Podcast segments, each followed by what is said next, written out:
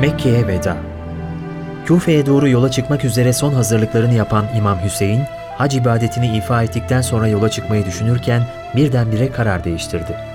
Yezid'in 30 kişilik bir terör timini Mekke'ye gönderdiğini haber alınca Kurban Bayramı'na iki gün kala yani Müslim bin Akil'in Küfe'de valiliğin yüksek kulesinden sert zemine atılarak şehit edildiği gün Mekke'den ayrılmaya karar verdi. Yola çıkmadan önce Cennetül Mualla'ya uğradı. Anneannesi Hazreti Hatice oradaydı. Başında durdu. Hiç görmemişti onu. Çünkü o erken gitmişti. Hatice zaten erkenci demekti. Hoşça kal anneanne. Hoşça kal müminlerin annesi, dedi. 680 yılının 10 Eylül'ünde hiçbir şeyden haberi olmaksızın Mekke'den hareket etti. Sahabenin büyük alimlerinden Hazreti Ömer'in oğlu Abdullah bin Ömer, Hazreti Hüseyin'e sakın Küfe'ye gitme, dedi. Onlar babanı öldürdüler, ağabeyini dövdüler. Küfe'de babandan işitmiştim. Vallahi ben Küfelilere küstüm. Onlar da bana küstüler. Ben onlara kızdım, onlar da bana kızdılar. Ben onlardan bir hayır ve vefa görmedim. Onların ne sebatları, ne azimleri, ne de kılıca dayanmaları, göğüs germeleri var, demişti. İmam Hüseyin, tomar tomar mektupları gösterdi. Bunlar onların davet mektupları, dedi. Abdullah bin Ömer, şüphe yok ki Allah kulunu dünya ile ahiret arasında muhayyer bıraktı. O da ahireti tercih etti. Siz de ondan bir parçasınız. Hiçbir zaman dünyaya nail olamazsınız. Allah sizi ancak sizin için en hayırlı olana çevirir. Geri dönünüz, dedi. Hazreti Hüseyin'in geri dönmeyeceğini anlayınca da boynuna sarıldı ve ağladı. Bu onların son görüşmesiydi. Arap'ın ve insanlığın şimdiye kadar gördüğü en temiz, en berrak, en şerefli sülale yine yollardaydı. Yeryüzünün en kutsal kentini bir daha görebilecekler miydi? Kabe'de namaz kılabilecekler miydi? Rahmetin eteklerinden tutabilecekler miydi? Allah Resulü'nün ev halkım dediği insanlar, uçsuz bucaksız çöllerde konar göçer, yuvasız kuşlar gibiydi. Ev halkı evsizdi. Bir zamanlar Kabe taş taş, duvar duvar yükselirken İbrahim Aleyhisselam'ın Allah'ım, oğlum İsmail ile birlikte sana bir ev inşa ediyoruz. Bizden bunu kabul buyur. Dediği gibi İmam Hüseyin de göçmen kuşlar misali ev halkıyla yeni bir dünya kurmaya gidiyordu. İçinde zulüm barındırmayan bir dünya. İçinde hep Hüseyinlerin olduğu, İsmail'lerin olduğu bir dünya.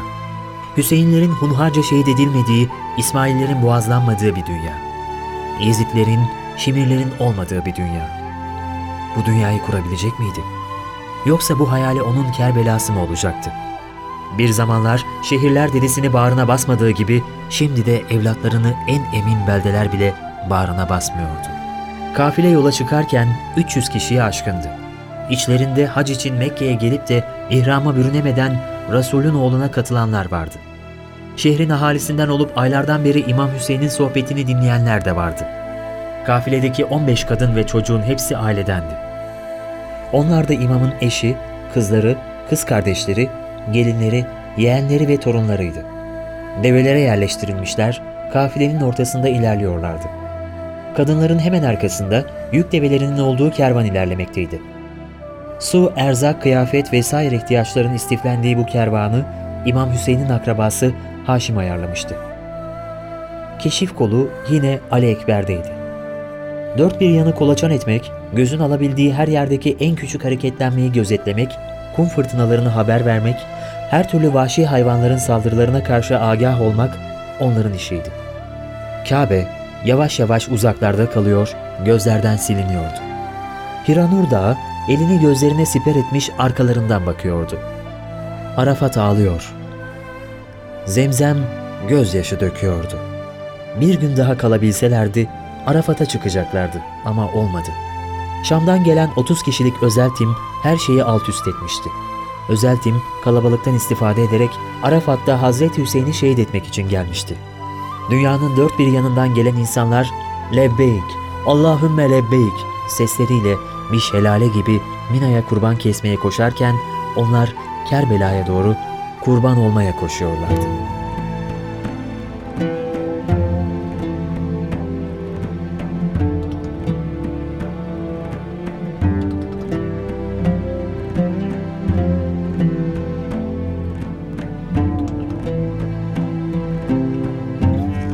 Yavaş yavaş silinen evler, dağlar mecalsiz kollarıyla el sallıyordu.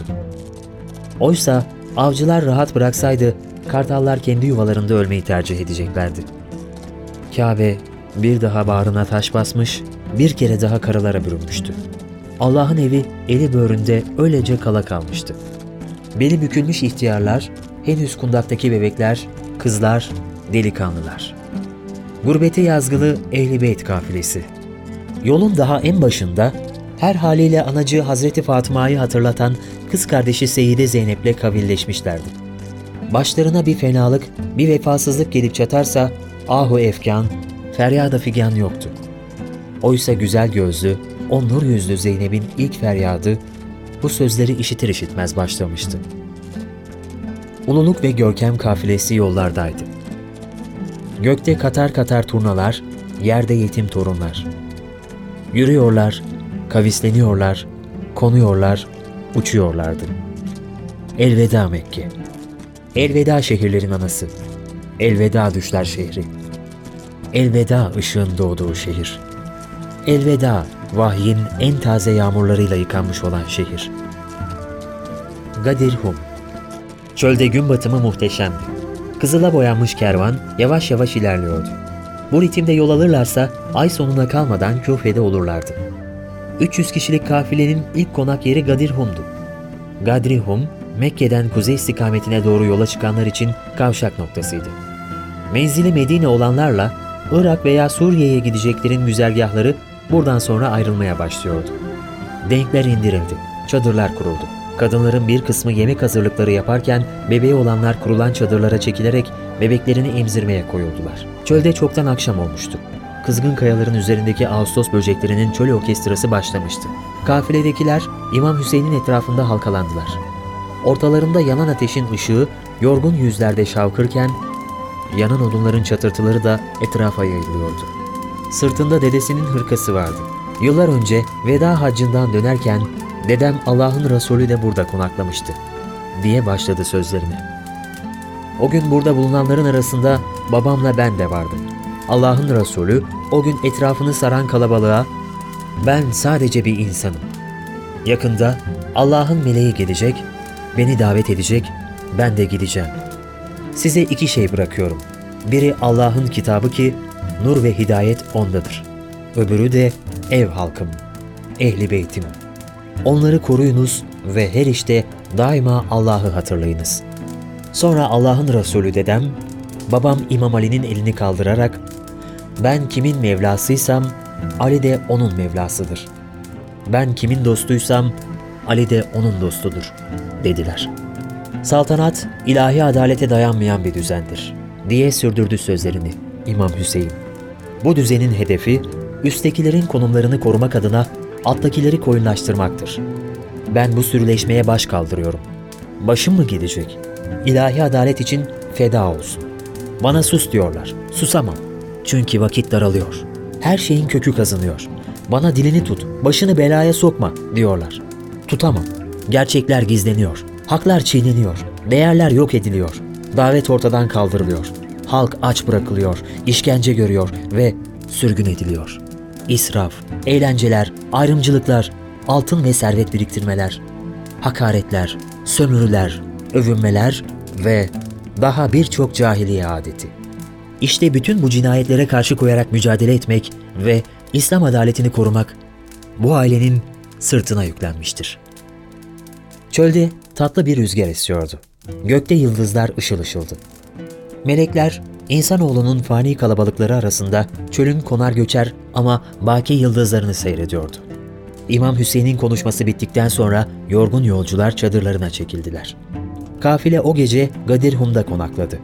Sonraki gün çöl ışırken Küfe'de olup bitenlerden habersiz kafile yola revan oldu.